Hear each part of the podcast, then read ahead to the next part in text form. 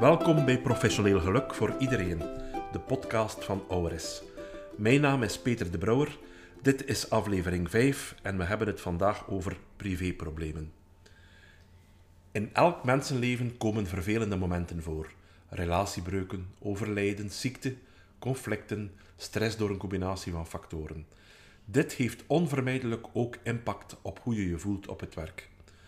Soms veroorzaakt het een vervelende periode waarbij je er minder in slaagt om het beste van jezelf te geven. Soms is het een aanleiding om je af te vragen waar je naartoe wil in jouw job en in jouw leven. Zo hadden we onlangs Anne, bij wiens moeder Alzheimer was vastgesteld. Ze vroeg zich af hoe ze de zorg van haar moeder beter met een job kon combineren. Loopbaancoaching hielp haar om dit met haar werkgever te bespreken.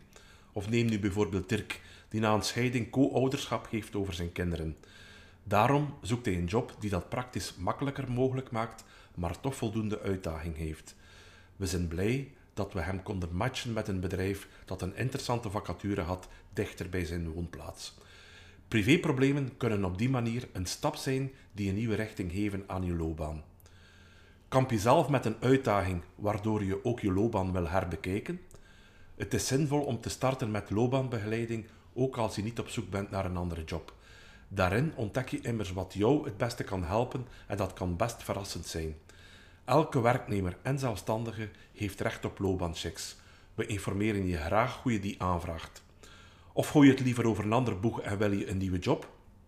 We hebben steeds verschillende interessante vacatures voor uiteenlopende hogere profielen. Kom vandaag nog in de actie en neem je toekomst in eigen handen.